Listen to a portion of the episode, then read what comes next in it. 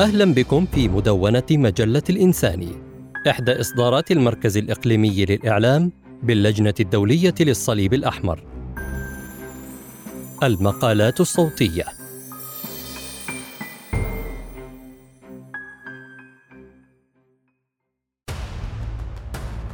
حركة تحرير طرفا لأول مرة في نزاع مسلح دولي. الذكرى الستون لانضمام الجزائر إلى اتفاقيات جنيف. العشعاش إسحاق باحث جزائري في القانون الدولي الإنساني. حاز على درجة الدكتوراه في القانون من جامعة الجزائر. بأطروحة عالجت موضوعا قانونيا بالغ الأهمية وهو منظومات الأسلحة الفتاكة ذاتية التشغيل في القانون الدولي.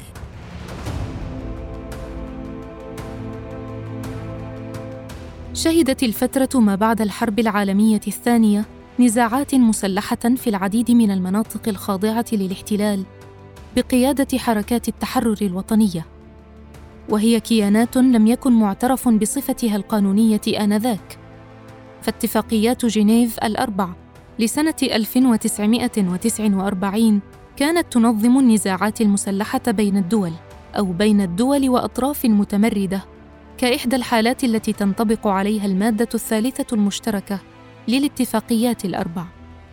بيد أن تنامي كفاح هذه الحركات التحررية ولد ضغطا دوليا للاعتراف بها ككيانات قانونية تقود كفاحا ملحا من أجل الظفر بحق تقرير المصير والاعتراف بها كأطراف في نزاع مسلح دولي مثلما هو الحال مع حركة التحرير الوطنية الجزائرية في تلك الفترة لم يسبق أن انضمت حركة مقاومة مسلحة حركة تمرد وفق المفهوم القانوني آنذاك إلى اتفاقيات جنيف غير أن حدثا تاريخيا وقع عند انضمام الحكومة الجزائرية المؤقتة إلى الاتفاقيات حيث اعتبر ذلك واقعة غير مسبوقة طرحت اشكالا قانونيا لم يكن معروفا من قبل.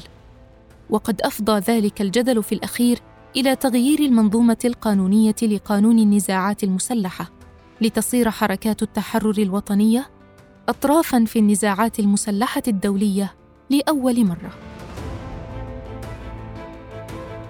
تحد قابل للتنفيذ. اندلعت حرب التحرير الجزائرية في الفاتح تشرين الثاني نوفمبر سنة 1954 وقد كان من الصعب تكييفها كنزاع مسلح وفق القانون الدولي القائم آنذاك. فقد اعتبرتها السلطة المحتلة مجرد اضطرابات وتوترات داخلية لا تقع تحت طائل قانون النزاعات المسلحة بل يتم التعامل معها بموجب الوسائل الشرطية وقوات إنفاذ القانون. وهكذا استفحل الوضع الإنساني وأضحى أكثر تعقيدا لدى المدنيين والمقاتلين من كلا الطرفين. بالرغم من دعوة اللجنة الدولية للصليب الأحمر أطراف النزاع إلى الامتثال واحترام قواعد قيادة العمليات العدائية. ومن ثم إعلان جيش التحرير الجزائري الإذعان لقواعد قانون النزاعات المسلحة والتمسك بالأعراف الإنسانية من جانب واحد. ومع ذلك تمكنت اللجنة الدولية للصليب الأحمر من إيفاد عدد من مندوبيها وتقديم خدمات إنسانية في غاية الأهمية لكلا الطرفين. ومع اتساع نطاق أعمال العنف في كامل إقليم الجزائر وبعد مرور ثمانية عشر شهرا اعترفت سلطة الاحتلال بحالة النزاع المسلح غير الدولي الذي تنطبق فيه المادة الثالثة المشتركة من اتفاقيات جنيف الأربع لسنة 1949 وبذلك أضحى من حق الأشخاص الذين لا يشتركون مباشرة في الأعمال العدائية بمن فيهم أفراد القوات المسلحة الذين ألقوا عنهم أسلحتهم والأشخاص العاجزون عن القتال بسبب المرض أو الجرح أو الاحتجاز أو لأي سبب آخر بما يشمل أفراد المقاومة حركات التحرر الاستفادة من الحد الأدنى من المعاملة الإنسانية المقررة. كما تمكنت اللجنة الدولية للصليب الأحمر من توسيع نطاق خدماتها الإنسانية كزيارة المعتقلين والمحتجزين وذلك عبر اتفاقات خاصة مع أطراف النزاع. وكان الحدث الأبرز هو الإعلان عن إنشاء الحكومة الجزائرية المؤقتة يوم الجمعة في التاسع عشر من شهر أيلول سبتمبر سنة 1958 والتي أصبحت بمثابة الجهاز التنفيذي المختص بالتعامل باسم الجمهورية الجزائرية والممثل الشرعي للثورة عسكرياً وسياسياً في الداخل والخارج لتكون أكثر استجابة للعمل الثوري وأكثر قدرة على تطبيق قواعد القانون الدولي الإنساني. فقد ظهر ذلك جلياً من خلال توحيد التنظيم العسكري لمختلف الوحدات القتالية وزيادة النشاط السياسي والدبلوماسي الذي شكل حافزاً للاعتراف بها من قبل العديد من دول العالم آنذاك. فضلاً عن التمثيل في المحافل الدولية على غرار الأمم المتحدة بحيث اعتبرت نفسها كياناً قانونياً دولياً له أهلية إبرام الاتفاقيات والانضمام إليها. وكخطوة مهمة أعلنت الحكومة الجزائرية المؤقتة يوم الحادي عشر من نيسان أبريل سنة 1960 عن رغبتها في الانضمام لاتفاقيات جنيف الأربع لسنة 1949 بعد أيام فقط من تصديقها عليها بملاحقها بموجب المرسوم رقم 6021 الصادر عن مجلس الوزراء بتاريخ السادس من شهر نيسان أبريل سنة 1960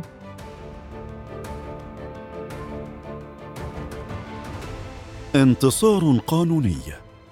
استلزم انضمام الحكومة الجزائرية المؤقتة لاتفاقيات جنيف التعامل مع المجلس الفيدرالي السويسري باعتباره الوديعة الخاصة باتفاقيات جنيف المؤرخة في الثاني عشر من آب أغسطس سنة 1949 وفق ما تنص عليه المواد 61 من الاتفاقية الأولى و60 من الاتفاقية الثانية و140 من الاتفاقية الثالثة و156 من الاتفاقية الرابعة المتضمنة لتدابير الانضمام إلى الاتفاقيات.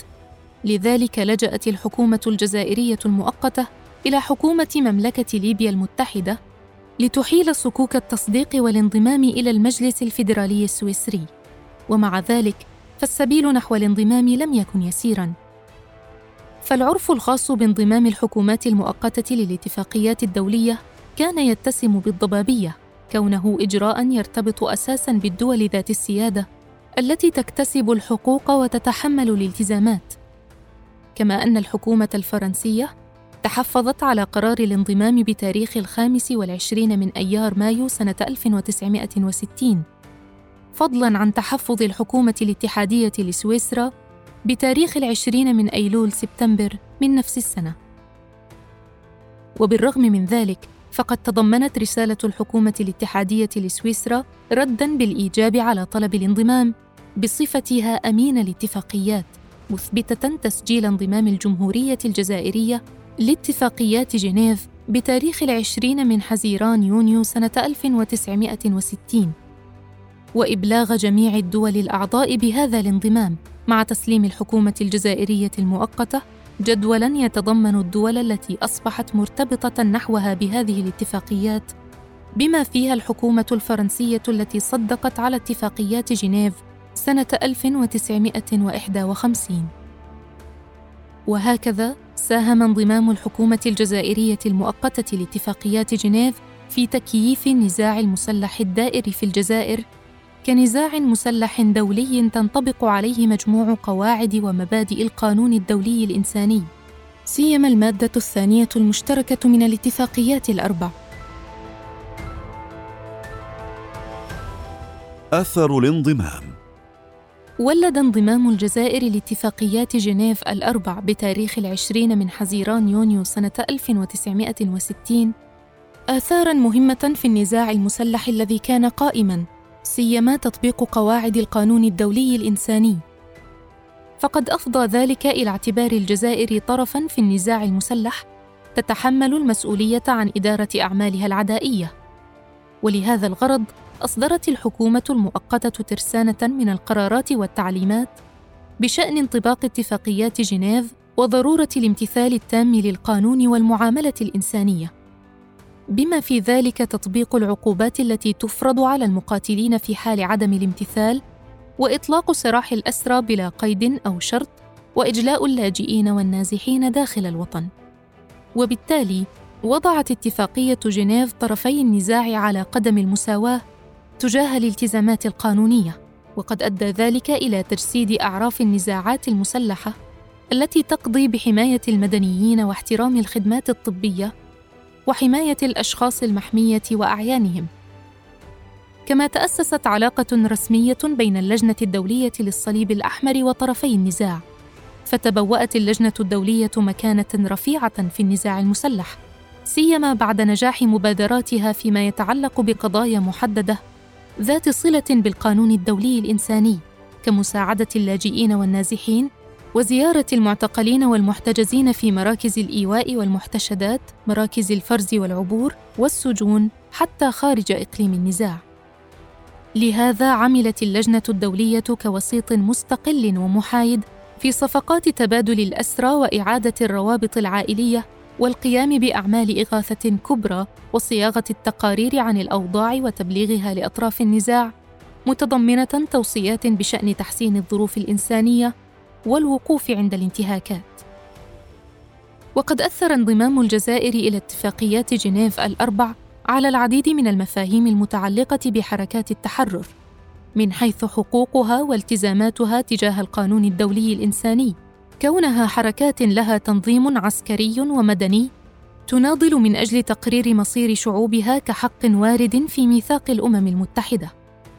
وإبراز الجانب العملي لتطبيق المادة الثالثة المشتركة لاتفاقيات جنيف الأربع التي تقضي باتفاق الدول مع حركات التحرير وإدراج أفراد المقاومة المسلحة ضمن الوضع القانوني للمقاتل في القانون الدولي الإنساني ووضع المدنيين الذين يشاركون في النزاعات المسلحة بحيث أضحت لديهم صفة المقاتل غير الشرعي الذين تنطبق عليهم في حال القبض عليهم اتفاقية جنيف الرابعة. سنة 1949 كما اعتبر مقاتلو حركات التحرر أسرى حرب في حال وقوعهم في الأسر والذي تقرر لاحقا في المادة الخامسة والسبعين من البروتوكول الإضافي الأول لاتفاقيات جنيف الأربع لسنة 1977 وبالتالي تمتعهم بحق المحاكمة العادلة وفقا للمواد الثانية والثمانين والثالثة والثمانين والتاسعة والتسعين إلى غاية المادة الثامنة بعد المئة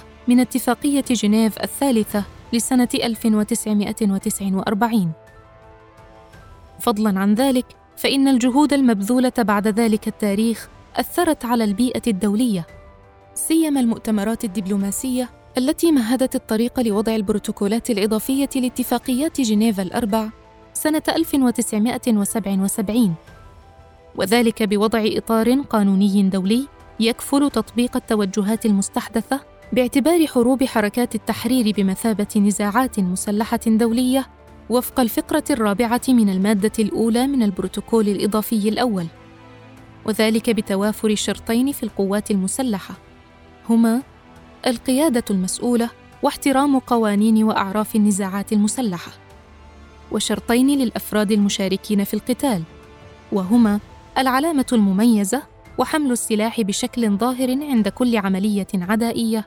والاستعداد للهجوم. كما تم الإقرار لأول مرة بالإعلان الانفرادي لحركات التحرير الوطنية بالإذعان لقانون النزاعات المسلحة كآلية مستحدثة للانضمام إلى اتفاقيات جنيف وفق نص المادة السادسة والتسعين من الفقرة الثالثة من البروتوكول الإضافي الأول بحيث تمارس السلطة الحقوق ذاتها وتتحمل الالتزامات عينها لطرف سام متعاقد على حد سواء.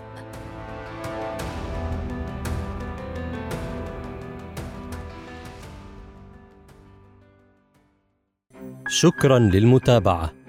للاستماع إلى مزيد من المقالات زوروا الموقع الإلكتروني لمجلة الانساني blogs.icrc.org الإنساني استمعتم إلى هذا المقال بصوت إسراء جلبط محمد محمود.